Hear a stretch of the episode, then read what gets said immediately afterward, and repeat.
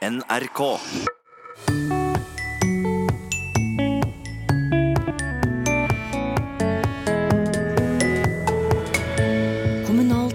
Kommunalt språk trenger en risikoanalyse, og den vil avsløre store mangler, mener kommentator. Vi, vi er veldig opptatt av risikoanalyse på andre felt i det offentlige. På IKT-systemene våre, på vannforsyningen, på alt det der. Men vi har snakket veldig lite om hva er risikoen ved å bruke et dårlig språk. Og én av tre nordmenn under 30 år snakker helst engelsk til dansker. Jeg tror de fleste unge mennesker især ikke forstår et ord av dem de møter fra de andre nordiske landene. Vel møtt til Språkteigen. Onsdag denne uka ble Klarspråkprisa for 2018 delt ut. Utdelinga markerte òg at det er ti år siden første klarspråkpris i staten ble delt ut. Så hvordan står det til med det gode, klare og brukervennlige språket etter mange års innsats? Språkteigen dro på prisutdeling for å finne ut. Det var i Konserthuset i Oslo de hadde samla seg. Språkentusiaster fra stat og kommuner, folk fra departementet med kommunal- og moderniseringsminister Monica Mæland i spissen, direktøren i Språkrådet, Klarspråkjuryen, tidligere prisvinnere og årets prisvinnere. Og det var som på andre prisutdelinger. Det lå forventning og spenning i lufta. Velkommen til dere her i salen. Dere ser, dere, dere ser veldig bra ut. Ti år har altså gått siden den første klarspråkprisen i staten ble delt ut. Jeg syns vi skal gi eh, tiårsjubilanten en skikkelig applaus. Kom igjen. Og for tre år siden kom kommuner og fylkeskommuner med i kåringa. Og etter alle disse åra og alle priser som er delt ut, hvordan står det til med språket i planer, strategier og saksframlegg? Det var mangeårig journalist, redaktør og kommentator Sven Egil Omdal invitert for å si noe om. Og kanskje litt uventa starta han med å prate om nakenhet og kjærlighet. Ja, det er vel ord som de kanskje ikke bruker så mye på de kommunale møtene. Men jeg brukte den fantastiske romanen 'Kvinnen som kledde seg naken for sin elskede' som et bilde på at det å kaste av seg slørene, kaste av seg de tildekkende plaggene og våge å stå naken overfor borgerne og vise eh, kommunen eller staten eller etaten slik den egentlig er, at det er en enorm styrke som kan føre til et sterkere forhold. For både i staten og i mange kommuner dekker de seg fortsatt til med fagspråk, motespråk, pseudospråk eller jålespråk, sa Omdal. Og vi har jo hørt det før.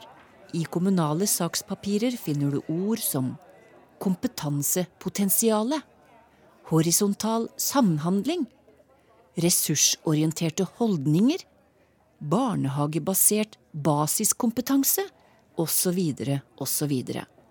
Eller for å ta et mye brukt ord, som tilsynelatende virker lettfattelig, men som Omdal advarer mot, nemlig ordet bruker.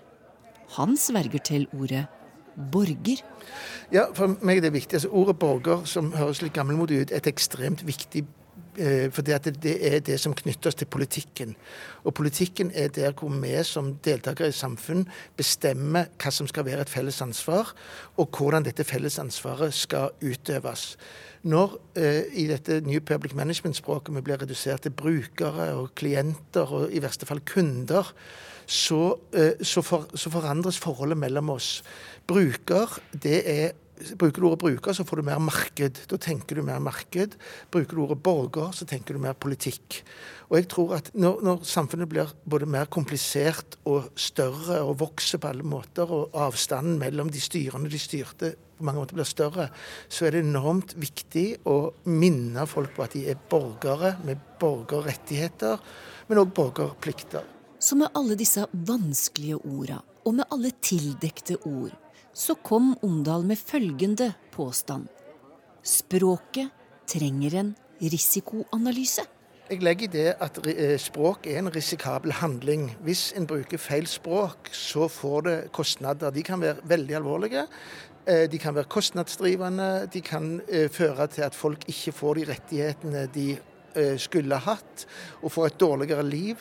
Sånn at vi, vi er veldig opptatt av risikoanalyse på andre felt i det offentlige, på IKT-systemene våre, på vannforsyningen, på alt det der.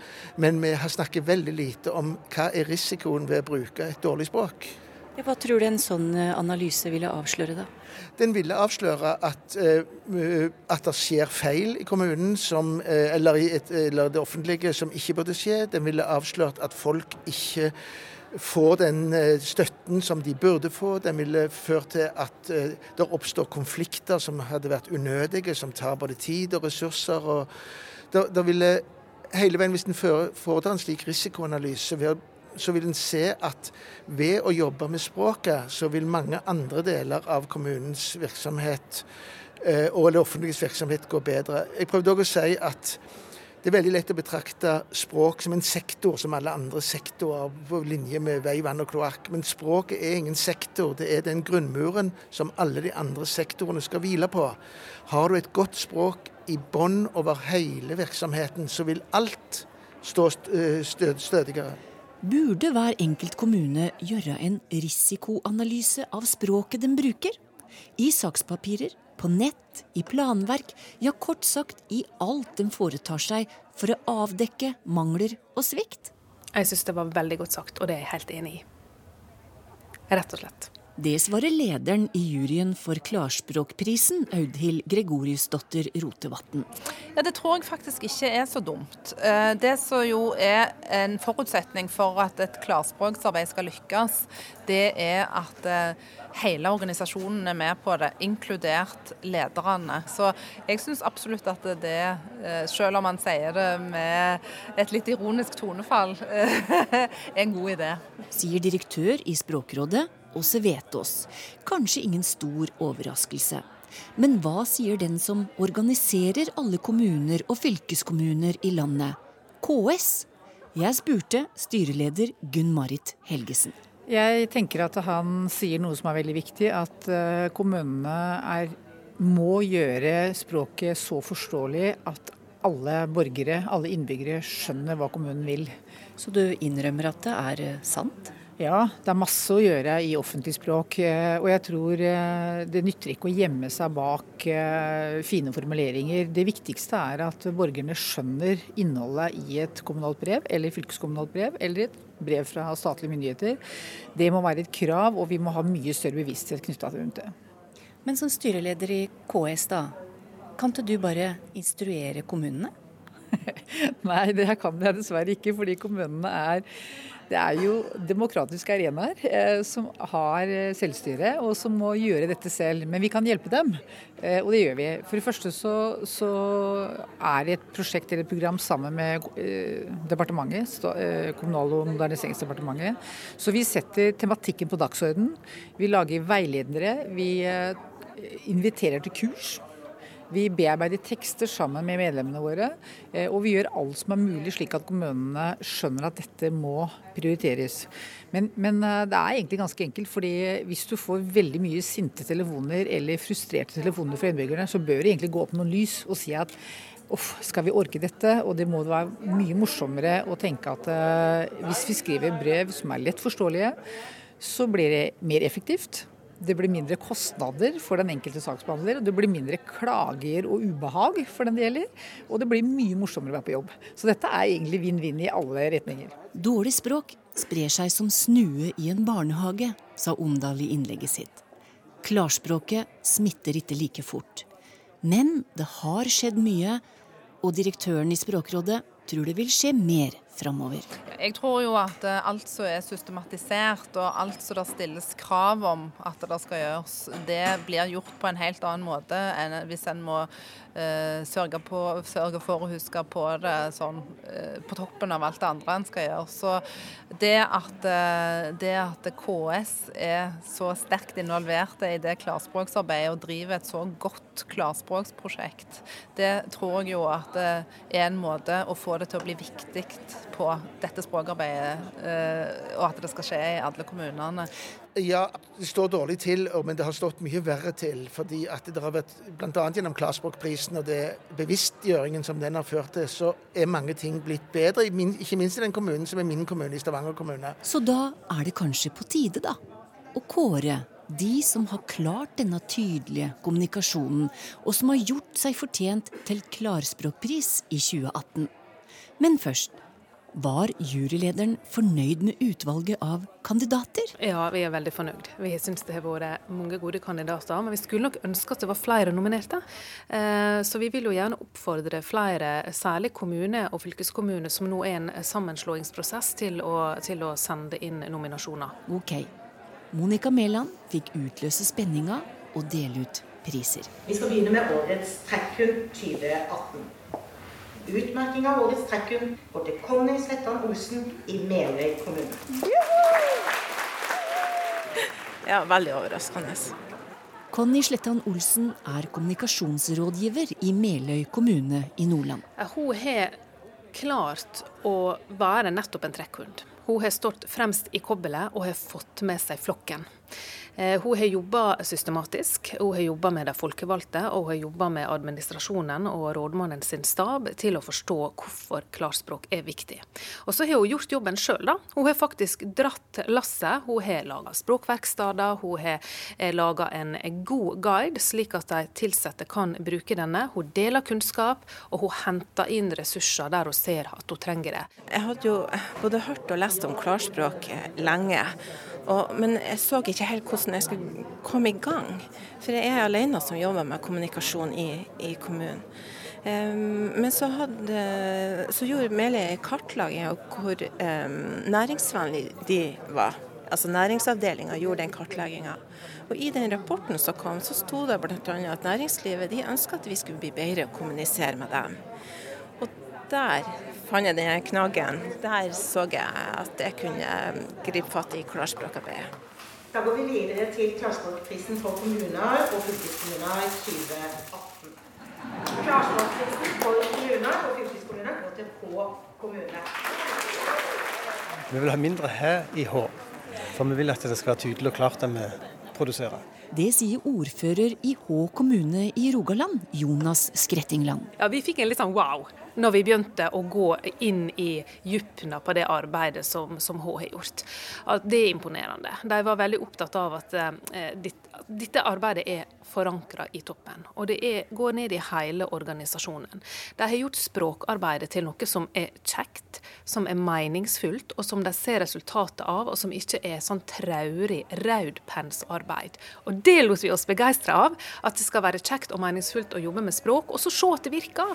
Og hva er vel mer inspirerende å se at klart språk, det funker, og det var veldig bra. Systematisk, grundig, langsiktig og i alle ledd i kommunen. Og også for politikerne på klarspråkskurs. Det applauderer juryen. Det begynte med at uh, rådmannen sin datter fikk et, uh, et, tilbud om jobb. Der hun måtte spørre Det var ikke for vår kommune, altså. Men hun måtte spørre mor si Fikk jeg den jobben, eller fikk jeg den ikke? Og da tenker hun vi må sette i gang noe i, i Hå kommune. Sånn var begynnelsen for, for noen år siden. Og så har vi jo sett at, at det Eh, det har skapt en entusiasme i organisasjonen som også smitter over på politisk nivå. Og da har vi den siste prisen. Klarspråkprisen for staten går til Utlendingsnemnda. Eh, for staten, altså UNE som vant den statlige prisen, så er det klart at et brev fra UNE om du får være i Norge eller ikke, det er eksistensielt. Og det å forstå hva som står der, og forstå begrunnelsen, det er veldig viktig. Så her har de gjort et veldig grundig arbeid, gjennomgående i hele organisasjonen og i alt de skriver, som er eh, informasjon til våre advokater, til barn og til eh, folk som ikke har norsk som førstespråk. Så det er imponerende. Jeg har vært direktør i UNE nå i seks år, og vi har drevet dette språkarbeidet framover. For 30 år siden, da jeg var i en av mine første jobber som jurist i staten, så fikk jeg en telefon fra en mann som sa nå må du fortelle meg, har jeg fått erstatning eller har jeg ikke fått erstatning? Og da gikk det opp for meg at her må vi gjøre noe, fordi at dette går ikke. Så dette har jeg i grunnen båret med meg gjennom hele mitt yrkesaktive liv. Og så er jeg så heldig nå da i Utlendingsnemnda at jeg har medarbeidere som har denne lysten til å formidle og til å skape trygghet gjennom måten vi formulerer oss i vedtakene våre. Sier Ingunn Sofie Aursnes, som er direktør i Utlendingsnemnda, UNE. Kanskje kan prisvinnere for 2018 være til inspirasjon for andre kommuner og statlige etater. Og det er mer drahjelp i sikte. For i forslag til ny forvaltningslov som kom nå i mars, ligger det inne en formulering om at det offentlige har en plikt til å bruke et klart språk som de det gjelder skal forstå.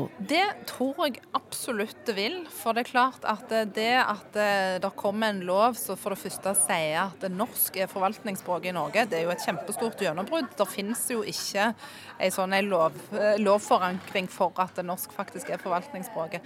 Og at en eh, sier at det er organene sin plikt å sørge for at språket ut til borgerne skal være klart og tydelig. Men når kan alle kommuner ha gjort en risikoanalyse, Sven Egil Lomdal? Nei, det, det, er omtrent når det blir fred i Midtøsten, tenker jeg. Men, men, men, det betyr ikke at vi ikke skal jobbe hele veien med dette og bare drive det arbeidet fremover. For hvert skritt er et skritt mot et bedre samfunn. Men hva skjedde egentlig med kvinnen som kledde seg naken det som skjedde, var jo at det som vismannen hadde sagt til henne, at hun skulle kle seg naken for sin elskede, så ville han se henne, og det gjorde han.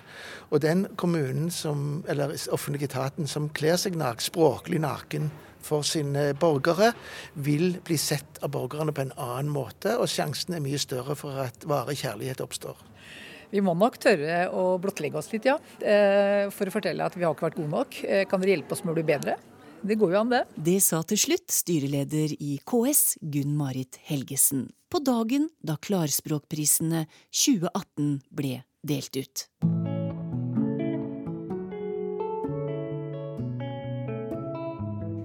Fra vanskelig offentlig språk slår vi over til et nytt språk som òg oppleves som vanskelig av mange.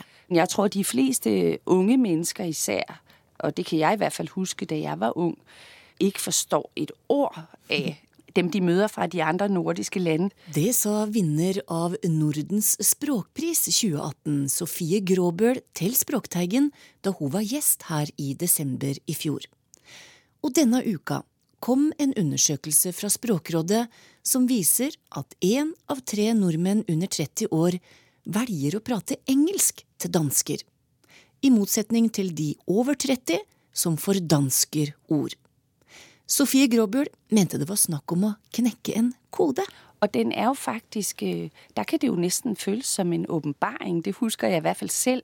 Det der med at noe der virket så utilgjengelig og utilnærmelig og uforståelig, lige plutselig ble det enkleste i hele verden, fordi vores sprog er jo de samme. Vores, melodi er litt forskjellig. Og når man først har lært den melodi å kende, så er det, så er det jo faktisk uh, utrolig lett å forstå hverandre. Skuespillerkollega Gita Nørby syns det er en trist utvikling at de nordiske språka taper mot engelsk.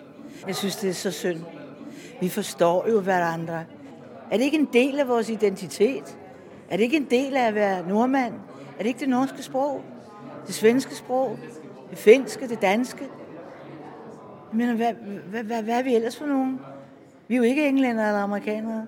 På oppdrag fra Språkrådet har Opinion undersøkt hvilke holdninger nordmenn har til de skandinaviske språkene. De som er over 30 år, fordansker språket når de snakker med folk fra vårt naboland i sør. Men én av tre nordmenn under 30 tyr til engelsk. Det synes språkdirektør Åse Vettås er bekymringsfullt. For det første så er jo det skandinaviske språkfellesskapet et viktig kulturfellesskap men eh, i tillegg så er det jo òg et viktig språkfellesskap på den måten at eh, det at vi har en felles språkforståelse, det gjør at vi kan løse en del oppgaver sammen. Både på språkteknologi og på fagspråk, og på områder der det faktisk er viktig å være et eh, stort språkbrukerfellesskap med 25 millioner brukere istedenfor fire eller fem små, språkbrukerfellesskap. You Eurovision Studio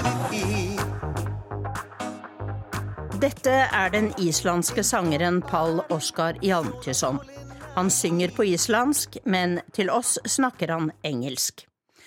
For ham kommer de skandinaviske språkene på en klar andreplass etter engelsk, for selv om han har hatt dansk på skolen siden han var ti år, syns han det blir for vanskelig. Well, basically, Icelandic people speak English first, and then the Scandinavian languages come second. I'm so sorry. We learn Danish. We are supposed to learn Danish from the age of 10 in order to speak the other languages of Scandinavia. And they make us learn Danish. Men svensk er nordmenn mer fortrolig med. 80 av de spurte i undersøkelsen mener at svensk er lett å forstå. Elisabeth Bettan Andreassen snakker både svensk og norsk. Hun mener at unges mobilbruk forsterker den engelske påvirkningen og truer språkene våre. Spesielt i disse tider med mye mobiltelefoner og det nye eh, mediesirkuset som setter i gang at alt skal forkortes og alt skal eh, gjøres på, på en mer ungdommelig, rar måte. Jeg syns det er farlig hvis språket blir borte, som det nå er en tendens blant mobiltelefoner og sånn. Men hva kan vi gjøre da for å stanse utviklingen og redde språkene? Gitta Nørby sier det på denne måten. Ved at vi holder av dem. Ved at vi pleier dem. Ved at vi står ved hva det er vi er. Altså Det eneste tip jeg har, det er at, øh, at man skal la være med å gi opp lige i annen setning og slå over i engelsk, som vi ofte gjør, fordi det er så lett. Men hvis vi lader være med det, og hvis vi lader være med å gi opp bare fordi vi ikke umiddelbart forstår den første setning, så, øhm, så går det helt av seg selv. Det sa skuespiller Sofie Gråbøl, og reporter her var Tone Staude. Vi gjør klart for lytterspørsmål, og Ånund Hylland lurer på uttrykket 'å være på bærtur'. Det burde jo være positivt, sier han, men det handler jo om å ikke ha greie på det en prater om. Hvor stammer dette uttrykket fra, spør han. Og jeg gir spørsmålet galant videre til deg, Georg Kjøll. Vi tror det kommer fra tysk og etter hvert dansk. I formen være på skovtur, da, som de sier i Danmark. Eller på tysk auf dem Holzweg sein. Og så har det etter hvert eh, funnet veien inn i norsk på, på 50-tallet og utover. Pussig nok, da, ofte i en fotballsammenheng. Ofte snakk om eh, målmannen som er ute og skal plukke en ball og bare ender opp på helt eh, feil sted. Så på dansk så er en skovtur etablert som, som nettopp, nettopp, denne betydningen her, da. Mens på norsk så har man utvidet det litt, eller man har tatt en litt annen mening. Og så har man hva skal man si, man har forsterket det språklige bildet litt. For man tenker at én ting er å være på skogstur og, og forville seg, men man kan også se for, seg, se for seg det å gå på en sti i en skog, og så finne ut at man skal ut i lyngen for å plukke bær. Og det er nok det som er, det som er opphav til den norske meningen og uttrykket her. At uh, ikke bare er man ute i skauen, men er, man har gått seg vill fra stien og befinner seg et eller annet sted og er umulig å få øye på med bære, bærplukkeren sin. Og ja, vi, vi har jo Eh, vi bruker litt om hverandre med andre uttrykk eh, på norsk, eh, som å være helt bak mål, f.eks. Hvor vi finner igjen denne fotballbetydningen igjen. Ja. Eller helt på jordet, eller helt på viddene. Som handler om litt om det samme. Da, at man skulle være et sted, og så er man et helt annet usentralt sted. Men han, Ånund han nevner òg noe annet med bær. Jeg skjønner ikke bæra, og det, der, det er bare blåbær. Ja. Så det er mye bær i uttrykka. Ja, og de har eh, Altså alle, alle, tre virker å ha forskjellig opphav, egentlig. Eh, det å ikke skjønne bæret handler nok om at eh, bær her er en representant for noe lite og ubetydelig. Og tilsvarende det vi finner igjen i ikke et fnugg eller ikke en døyt eller ikke et grann. Eh, vi snakker om å ikke forstå noe. Men det kan jo være en forbindelse mellom det å ikke skjønne bær og, og det å være på bærtur. At det er en eller annen abstrakt assosiasjon folk har gjort. For det å ikke, eh, ikke skjønne bæret kommer litt senere på norsk. Eh, litt ut på 1980-tallet er de første kildene jeg har funnet eh, på det. Så, så, det kan godt være at der har det vært en påvirkning. Mens bare blåbær er mye eldre. Det kjenner vi fra starten av 1900-tallet, i hvert fall. Kanskje enda tidligere. Og det brukes i to sånn, relaterte betydninger. Hvorav den ene handler om å vurdere noe som veldig sånn, lite og betydelig. Mm. Så jeg sier at en halvmaraton er jo bare blåbær. Eller så kan du bruke det, og som du oftest eh, gjør, da, i sammenligning med noe annet. Så du kan si at å løpe en halvmaraton er jo bare blåbær for en som har gjennomført Ironman, Ja. eller noe sånt. Mm. Og eh, hvordan dette har dukket opp, det er vanskelig å si, men eh, vi vet i hvert fall at bokstavrim Her har jo tre b-er etter hverandre. Det har ofte noe med saken å gjøre. Så noen har sagt det en gang, og så har det festet seg, festet seg litt. Eh, Det funker veldig bra på, på norsk, altså bare blåbær. Mm. Og det er, ganske, det er unikt til, til norsk. Vi finner ikke igjen eh, i den varianten i andre språk. Eh, Vi finner betydningen igjen i f.eks. just peanuts på engelsk. Eh, Eller danskene sier også peanuts om noe som er lite og betydelig. Eller svenskene, da, som, som sier at dette er jo bare småpotatis. Ja, og apropos poteter. Svein Ringstad har merka seg uttrykket 'noen må slå vannet av potetene'. Brukt om det å ta lederansvar med å ta risikable og kanskje upopulære avgjørelser. Han har merka seg at det er ikke så mange andre som bruker det, så er dette et uttrykk, spør han. Jeg prøvde å, prøvde å søke litt og høre litt rundt. og har, Det er folk som det hender jeg snakker med folk som har hørt det, men, men jeg har ikke klart å finne noe skriftlig belegg eh, eller noen skriftlige kilder som har brukt dette uttrykket i denne betydningen. Sånn som Svein forklarer det, så, så forstår man det jo godt. Da. Altså, man ser for seg dette bildet av noen som står med grytekluter og har en stor kjele og skal helle, helle kokende vann av og få masse damp i ansiktet. og Det er en ubehagelig jobb, ubehagelig jobb som, noen, som noen må gjøre. Sånn sett er det jo egentlig et morsomt, eh, morsomt uttrykk, og som kunne ha, kunne ha festet seg. Så da er det kanskje litt tilfeldig at det ikke, ikke har gjort det. Men uh, samtidig så, så er det ikke gitt at dette kan fungere så godt eh, på norsk, hvis vi ser på hva det er som, eh, det er som eh, gjør at faste uttrykk fester seg. Altså det er jo mange ting som, som kan bidra til at man får et fast uttrykk i, på, et, på et språk eller ikke. Men, men ett element er jo dette visuelle, da, som, som uttrykket fanger veldig bra. Mm. At det er lett forståelig. Det er kanskje krever litt forklaring, så der er det ikke så lett kanskje at, eh, å, å tenke at det skal spre seg. Eh, Men så skal det heller ikke være i konkurranse med andre betydninger. Og akkurat her sliter dette uttrykket lite grann. Oh, ja. Fordi det er heller ikke noe sånn supervanlig eh, uttrykk, men det er et slanguttrykk som heter å sile potetene, eller helle vannet av potetene, som handler om å late vannet, eller altså urinere. Um, og da, da plutselig, hvis man begynner å blande disse to betydningene, eh, og man snakker om lederansvar, at det er viktig å være den som heller vann av potetene, så, så blir jo meningen helt eh, skrudd. Fort gjort å tråkke i salaten. Ja, det er det, i potetåkeren. Eh, eh, Men det er jo artig, da, fordi vi har utrolig mange uttrykk på norsk og skandinavisk med ord nettopp potet og i ulike varianter dukker opp. Nettopp fordi det er en sånn gjenkjennelig ting, da, og alle forholder seg til poteter i kosten og, og, og kjenner det. I politisk sammenheng snakker vi også om noen som varm potet, en het potet, uh, som et, et uh, diskusjonstema som er eh, omstridt. Eller vi snakker om det å være som poteten, om noe som er brukende til alt.